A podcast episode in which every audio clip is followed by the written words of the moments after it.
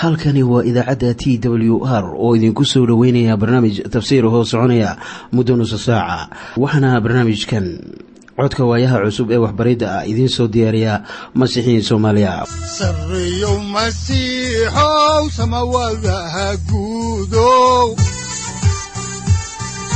Siraadkii adduunkow subanaha eebow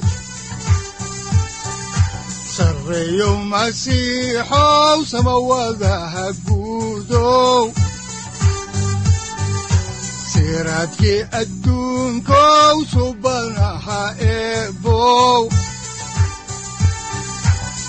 adigoo samada jiro ifkaan soo saldhiganba adigoo saaciiday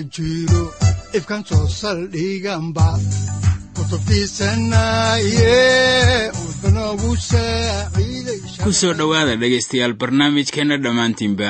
Waxaan horay u sii ambaqaadi doonnaa daraasaadkii la magac baxay baibalka dhammaantii. Waxaannu caawa idiin sii wadi doonnaa barashada kitaabkii koowaad ee samuel. Wuxuuna kitaabkani ka hadlayaa isbeddel weyn oo ku imaanayay qaabka xukuumadda reer banu israa'iil. Wuxuu kaloo ka hadlayaa wixii keenay in reer banu israa'iil ay boqor samaystaan iyo qaabkii ay ku timid. Waxaanan caawa idiin bilaabi doonnaa cutubka laba iyo labaatanaad ilaa aynu gaarno kan saddex iyo labaatanaad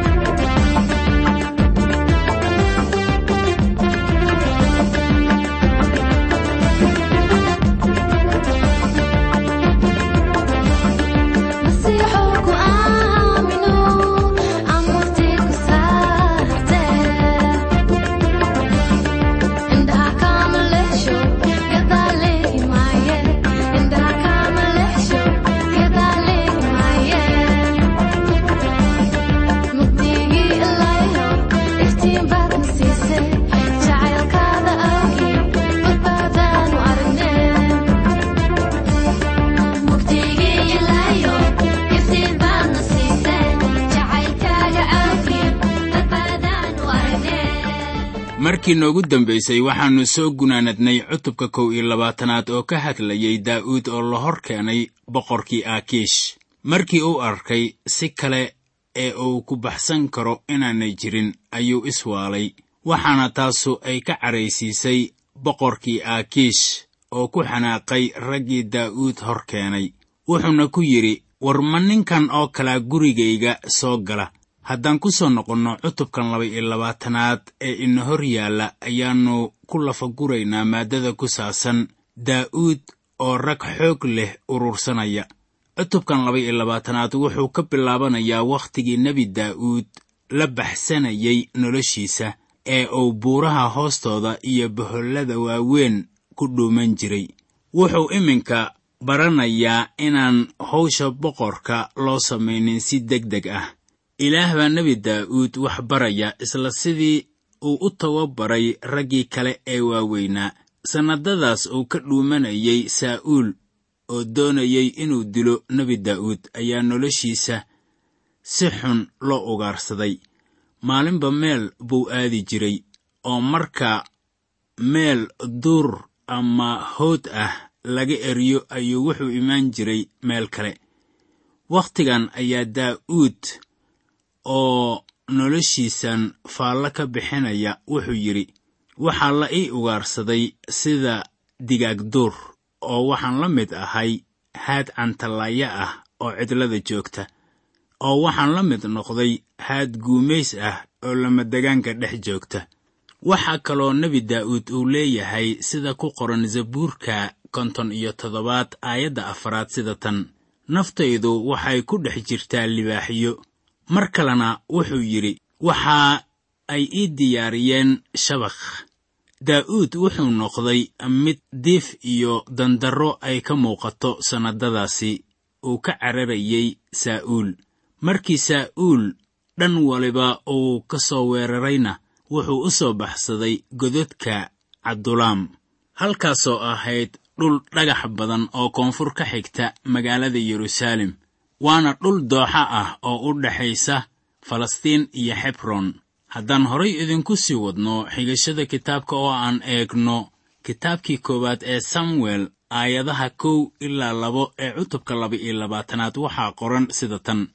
Sidaas daraaddeed daa'uud halkaasi wuu ka tegey oo wuxuu u baxsaday xagga bohoshii cabdulaam oo markii walaalihiis iyo reerkii aabbihiis oo dhammu ay taasi maqleen ayay halkaasi isagii ugu tageen oo mid kasta oo cidhiidhi ku jira iyo mid kasta oo deyn qaba iyo mid kasta oo aan raalli ahaynba isagay isu soo urursadeen oo isna wuxuu u noqday madax u taliya oo waxaa isaga la joogay in ku dhow afar boqol oo nin.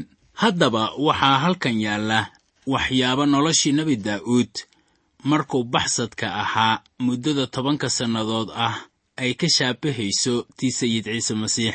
Wakhtiga nebi daa'uud dhibka uu ku jiray ayaa lala simi karaa wakhtigiinna.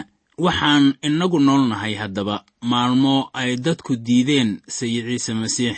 Dunidu way diidday sayid ciise masiix isla sidii ay u diideen nebi daa'uud oo ay wakhtigan noloshiisa u ugaarsanayeen sida xayawaanka duurka. Saa'uul oo ahaa cadowgiisa wuxuu ahaa mid ka itaal weyn cadowgeenna shayddaankuna cudud buu leeyahay maanta. Waxa ay canaan kululi inoogu qoran tahay warqaddii koowaad ee rasuul butros cutubka shanaad aayadda siddeedaad ee baalka afar boqol iyo toban ee ahdiga cusub.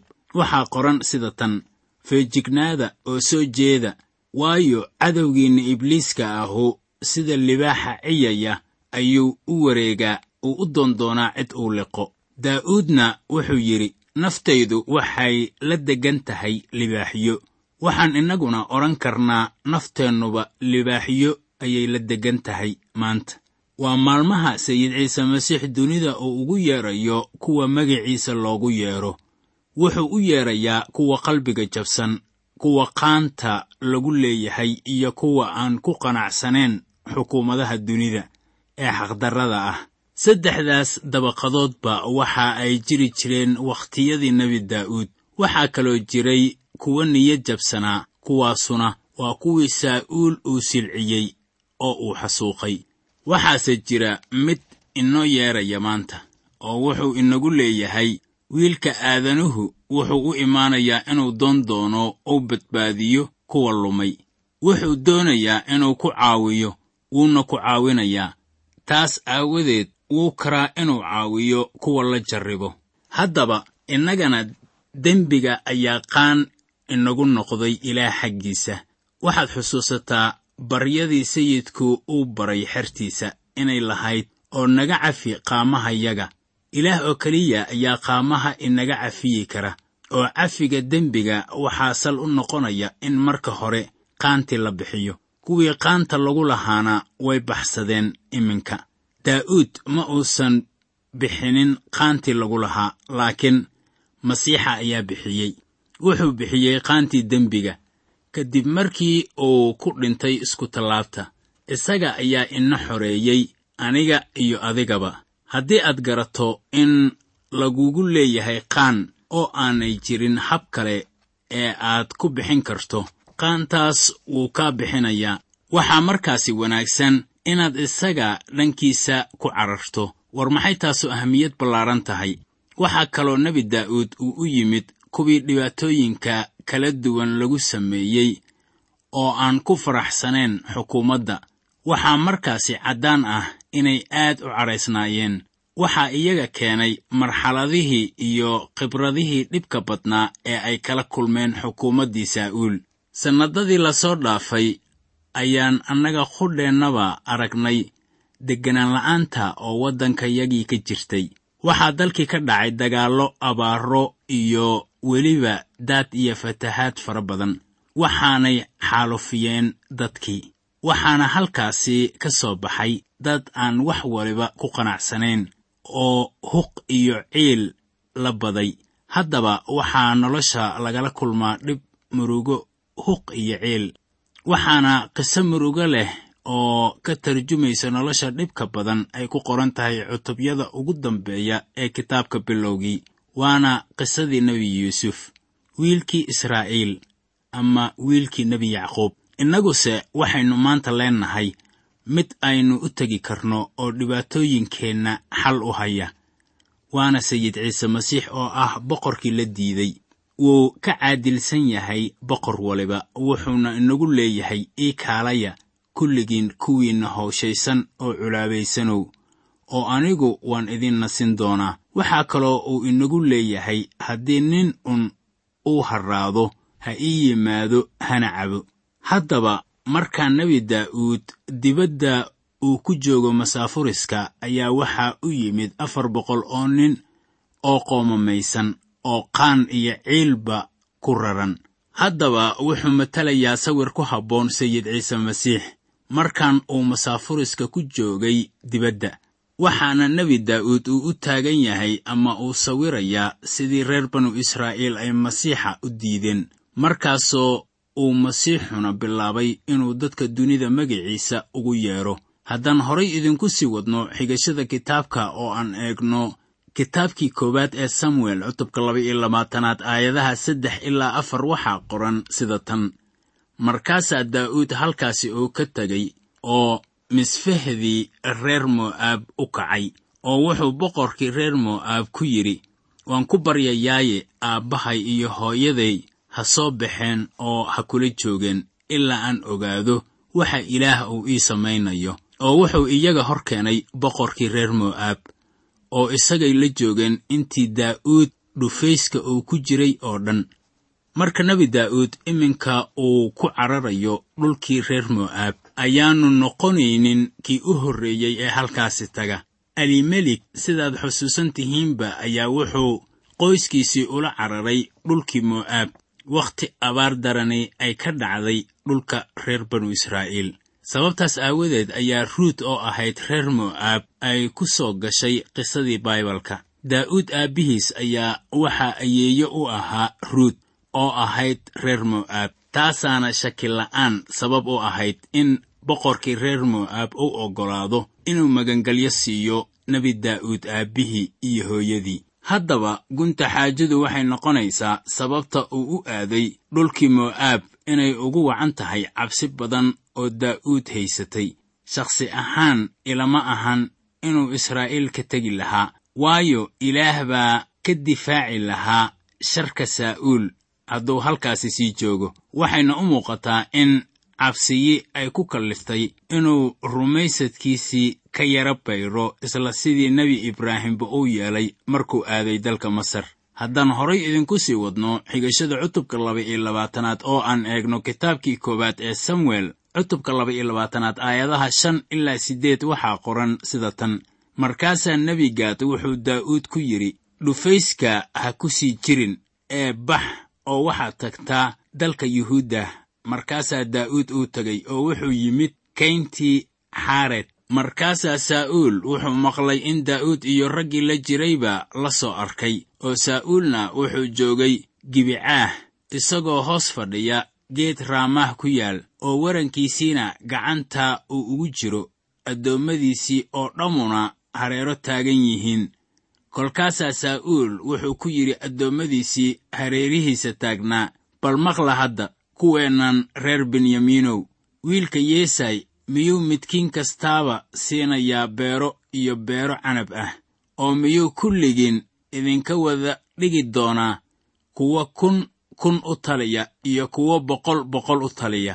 Masaasaad kulligiin iigu heshiiseen oo uu midkiinna iigu soo sheegi waayey markii wiilkaygu axdi la dhiganayay wiilka yeesay oo uu midkiinna ii nixi waayey wuxuuna iigu soo sheegi waayey in wiilkaygu uu igu kiciyo addoonkayga inuu i gaado sida maanta oo kale. Haddaba waxay u muuqataa in saa'uul haatan uu bilaabay inuu cuqdad isgeliyo. Wuxuuna udan sheeganayaa addoommadiisii. Waxaa cuqdada keenay kadib markii uu ogaaday in wiilkiisii uu kacay. Wuxuu kaloo la yaaban yahay waxa aanay wasiirradiisu ugu sheegin axdigaas oo sidaan arkayno aan afkooda u kala qaadin. Waxaa jira nin haddaba garanayay halkii nebi daa'uud uu cararay wuxuuna saa'uul u sheegayaa iminka. Waxa uu ka garanayo ama uu ka ogaaday nebi daa'uud waxaannu ninkan kula kulannay taambuugga. Markii daa'uud iyo raggii dhallinyarada ahaa ay kibista saaran miiska tusniinta la siiyey haddaan horay idinku sii wadno xigashada kitaabka koowaad ee samuel cutubka laba-iyo labaatanaad ayaannu eegaynaa aayadaha sagaal ilaa toban. Waxaa qoran sida tan. Markaasaa waxaa jawaabay do'eggii reer edom oo ag taagnaa saa'uul addoommadiisa oo wuxuu yidhi waxaan arkay wiilka yeesay oo noob ku sii socda oo u yimid axiimelik ina axiituub oo isna rabbigu wax u weyddiiyey oo saadna wuu siiyey oo seeftii goliyaathkii reer falastiinna wuu siiyey. Kadib markii do'eggii uu warbixintan saa'uul siiyey ayaa saa'uul wuxuu goostay inuu dilo axituub oo ahaa wadaad. Haddaan qisada idiin sii wadno ayaa waxaa ku qoran cutubka laba-iyo labaatanaad aayadaha kow iyo toban ilaa laba-iyo toban sida tan. Kolkaasaa boqorku uu u cidiray in loo yeedho wadaadkii axiimelik ee ahaa ina axituub isagii iyo reerkii aabbihiis oo dhanba kuwaas oo ahaa wadaaddadii noob joogay oo iyana kulligood boqorkiibay u yimaadeen. Markaasaa saa'uul uu ku yidhi bal hadda maqla ina axituubow oo isna wuxuu ugu jawaabay sayidkaygiyow waa ikan kolkaasaa saa'uul uu ku yidhi maxaad iigu heshiiseen adiga iyo ina yeesay oo maxaad u siisay kibista iyo seefta oo ilaahna wax ugu weyddiisay si uu iigu kaco inuu i gaado sida maanta oo kale. Markaasaa axiimelik wuxuu boqorkii ugu jawaabay bal yaa addoommadaada ka mid ah oo sida daa'uud aamin u ah kaasoo boqorku sodog u yahay oo weliba shirkaaga ka qayb gala oo reerkaagana sharaf ku leh haddaba saa'uul wuxuu u cidiray axiimelik oo ahaa wadaadka iyo wadaaddadii kale oo joogay noob. Saa'uul wuxuu ka dalbay in tafaasiil laga siiyo wixii keenay in daa'uud uu tiscimo dabeetana uu ku caawiyo inuu baxsado. Wadaadku wuxuu siiyey boqorka saa'uul jawaab dhab ah. War iyo wacaal uma haynin in nebi daa'uud ama boqor daa'uud uu baxsad ahaa oo sababtii uu u caawiyeyna waxay ahayd isagoo ay la ahayd inuu daacad u ahaa boqorka. Haddaan qisada halkaasi idinka sii wadno oo aan eegno kitaabkii koowaad ee samuel cutubka laba-iyo labaatanaad aayadaha shan iyo toban ilaa toddoba iyo toban waxaa qoran sida tan. Anigu ma maantan bilaabay inaan isaga ilaah wax u weyddiiyo taasu ha iga fogaato. Anigu waxaan oo dhan waxba kama ogi wax yar iyo wax badan toona haddaba boqorow anigoo addoonkaaga ah iyo reerka aabbahay oo dhanba waxba hana saarin. Markaasaa boqorkii wuxuu yidhi axiimeligow hubaal waad dhimanaysaa adiga iyo reerka aabbaha oo dhammuba. Dabadeedna boqorkii wuxuu waardiiyayaashii hareerihiisa taagnaa ku yidhi ku jeesta oo wadaaddada rabbiga laaya. Maxaa yeelay gacantoodu daa'uud bay la jirtaa oo iyagoo og inuu baxsaday ayayan ii soo sheegin laakiin boqorka addoommadiisii way diideen inay gacantooda ku fidiyaan oo ay laayaan wadaaddadii rabbiga. Carradiisii aawadeed ayaa saa'uul uu maqli waayey cabashadii dhabta ahayd ee wadaaddada laakiin wuxuu addoommadiisii ku amray inay wadaaddada laayaan. Hase yeeshee way ka diideen inay amarkaasi foosha xun raacaan.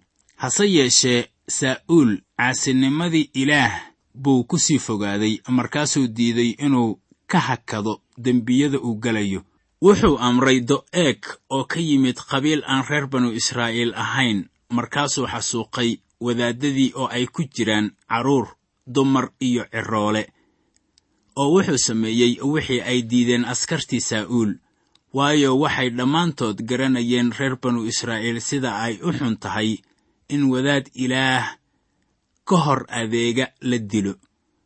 Aayadda siddeed iyo tobanaad ayaa waxay leedahay markaasaa boqorkii do'eeg ku yidhi adigu ku jeeso oo wadaaddada laa do'eeggii reer edomna wuu ku jeestay oo wadaaddadii laayey oo maalintaas wuxuu laayey shan iyo siddeetan qof oo wada qaba eefood dhar wanaagsan laga sameeyey waxaa halkan ka dhacay dembi wuxuushnimo ah. Waxaana geestay saa'uul. Haddii ilaah aannu diidi lahayn kolkii hore ayaa waxaa cad inaannu ilaah raalli ka ahaadeen. Falkan uu iminka geestay haddaan horay idinku sii wadno xigashada kitaabka koowaad ee samuel oo aan eegno cutubka laba iyo labaatanaad aayadda sagaal iyo tobanaad waxaa qoran sida tan. Kolkaasaa daa'uud abyataar ku yidhi maalintii do'eggii reer edom halkaas joogay waan garanayay inuu saa'uul u sheegi doono. Dadkii reerka aabbaha oo dhan anigaa dhimashada u soo jiiday. Haddaba ciilka iyo huqda ninkan ayaa waxay keentay xaalad naxdin leh. Waxaase innaga maanta inoo wanaagsan inaan garanno oon iska ilaalinno waxyaabaha imaan kara haddii aan cadhoonno haddaba meelo badan ayaa kitaabka uu kaga digayaa waxyaabaha cadhadu ay keeni karto. Warqaddii cibraaniyada cutubka laba iyo tobanaad aayadda shan iyo tobanaad ee baalka saddex boqol shan iyo sagaashan ee axdiga cusub ayaa waxaa ku qoran sida tan. Fiiro u yeesha si aan ninna u gaari waayin nimcada ilaah. Waaba intaasoo xidid qaraari uu soo baxaa uu idin dhibaa oo qaar badanu ay ku nijaasoobaane haddaba markii qof u cadhoodo ayuu wuxuu keenaa waxyaabo fara badan oo dhibaato ah oo uu u soo jiidayo kuwa la deggan iyo dadka hoos jooga ama derisyadiisa welibana waxaa dhibaato ay imaanaysaa haddii aynu doonayno inaan wax waliba ka aarsanno. Taasina waxay dhibaato weyn ku haysaa dadka soomaalida ah. Waxaannu iminka soo gaarnay cutubka saddex iyo labaatanaad iyo kan afar iyo labaatanaad oo isku hal cashar ah waxaanse idiin bilaabaynaa oo keliya kan saddex iyo labaatanaad iminka. Mawduuca cutubyadaasi uu ka hadlayana waxa weeye hal maaddo. Waana sidii ilaah uu u difaacay nebi daa'uud oo uu u daryeelay inta uu masaafuriska ku joogay waddanka dibaddiisa. Daa'uud wuxuu haatan haystaa ciidamo gaaraya lix boqol oo nin oo dhallinyaro ah.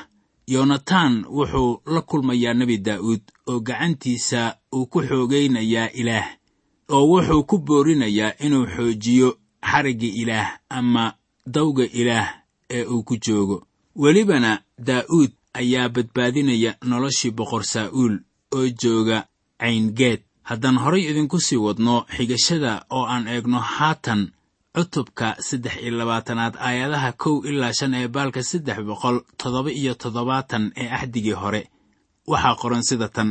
Markaasaa daa'uud loo sheegay oo lagu yidhi reer falastiin waxay la dirirayaan reer qaciilaah iyagoo dhacaya meelihii haruurka lagu tumi jiray. Sidaas daraaddeed daa'uud rabbigu wax weyddiistay oo yidhi miyan taga oo kuwan reer falastiin soo laaya oo rabbiguna wuxuu daa'uud ku yidhi tag oo reer falastiin soo laa oo reer qaciilaah soo badbaadi. Markaasaa daa'uud raggiisii waxay ku yidhaahdeen bal eeg annagu halkan oo ah dalka yuhuuddah ayaan ku cabsanaynaa. Haddaba inte in la eg bay nooga sii daran tahay haddaannu qaciilaah tagno oon ciidanka reer falastiin ku duulno oo haddana mar kale ayaa daa'uud rabbiga wax uu weyddiistay. Markaasaa rabbigu uu ugu jawaabay kac oo ku dhaadhac qaciilaah waayo reer falastiin gacantaadan soo gelin doonaa. Markaasaa daa'uud iyo reerkiisiiba qaciilah ay tageen oo reer falastiin la dirireen oo waxay ka soo dhaceen lo'doodii. Dad fara badanna way laayeen sidaasuu daa'uud dadkii qaciilah degganaa u badbaadiyey. Haddaba reer falastiin oo ahaa cadowgii reer bani israa'iil ayaa waxay dhacayaan dadkii degganaa qaciilah iyagoo qaadanaya haruurkii u soo go'ay. Daa'uudna intaannu dagaalka qaadin ilaah buu codsi weyddiistay haddii ay hagaagsan tahay inuu dagaal qaado iyo haddii kale. Ilaahna wuu u digay uu ku yidhi daa'uudow inkastoo aad badbaadisay reer qaciilah haddana kaama celin karaan saa'uul ee carar haddaan horay idinku sii wadno xigashada kitaabka oo aan eegno aayadda saddex iyo tobanaad ee cutubka saddex iyo labaatanaad waxaa qoran sida tan. Markaasaa daa'uud iyo raggiisii oo lix boqol ku dhowaa kaceen oy qaciilaah ka baxeen oo waxay tageen meel alla meeshii ay tegi kareen oo saa'uulna waxaa loo sheegay in daa'uud qaciilaah uu ka baxsaday markaasuu iska daayey inuu u soo baxo. Haddaba nebi daa'uud ciidamadiisu way kala firiirsanaayeen oo uma soconin sida ciidamo milatari ah oo habaysan. Haddaan horay idinku sii wadno kitaabka oo aan eegno haatan maaddada ku saabsan saa'uul oo eryanaya nebi daa'uud iyo yonatan oo daa'uud axdi la dhiganaya. Ayaan waxaan ka eegaynaa cutubka saddex iyo labaatanaad aayadaha afar iyo toban ilaa lix iyo toban waxaana qoran sida tan. Oo daa'uudna wuxuu degganaa dhufaysyada cidlada ku yiil oo wuxuu iska joogay dalka buuraha leh ee cidlada ah ee siif oo saa'uul baa doondooni jiray maalin kasta laakiinse ilaah gacanta uma soo gelin oo daa'uudna wuxuu arkay in saa'uul uu u soo baxay si uu naftiisa u daydayo. Daa'uudna cidlada siif buu ku jiray duurka dhexdiisa markaasaa saa'uul wiilkiisii yonatan ahaa uu kacay oo daa'uud uu ugu tegay duurka dhexdiisa oo gacantiisuu ku xoogeeyey ilaah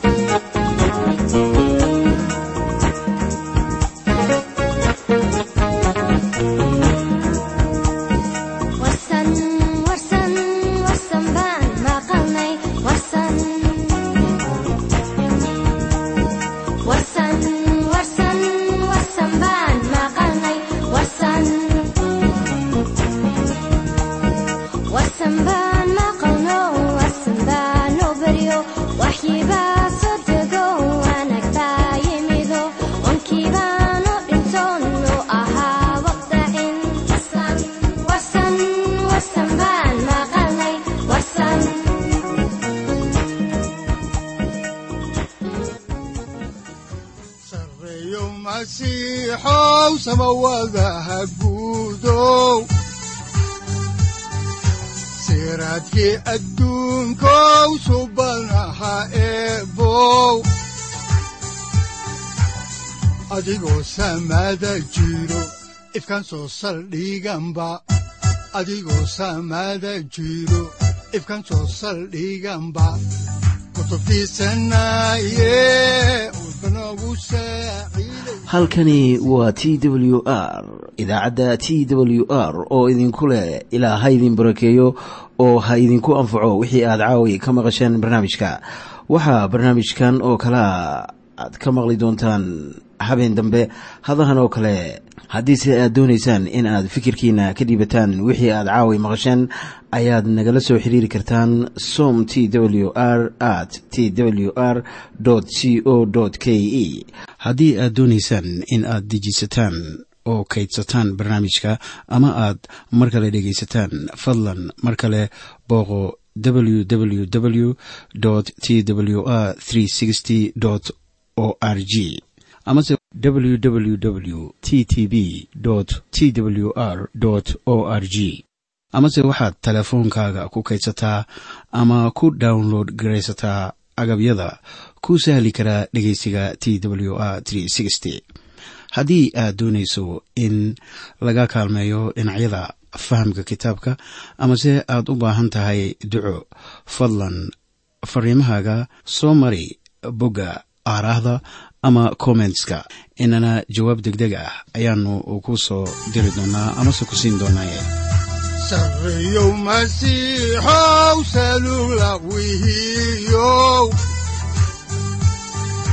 Saacadda timid dhulka sabada ku dhalatiyo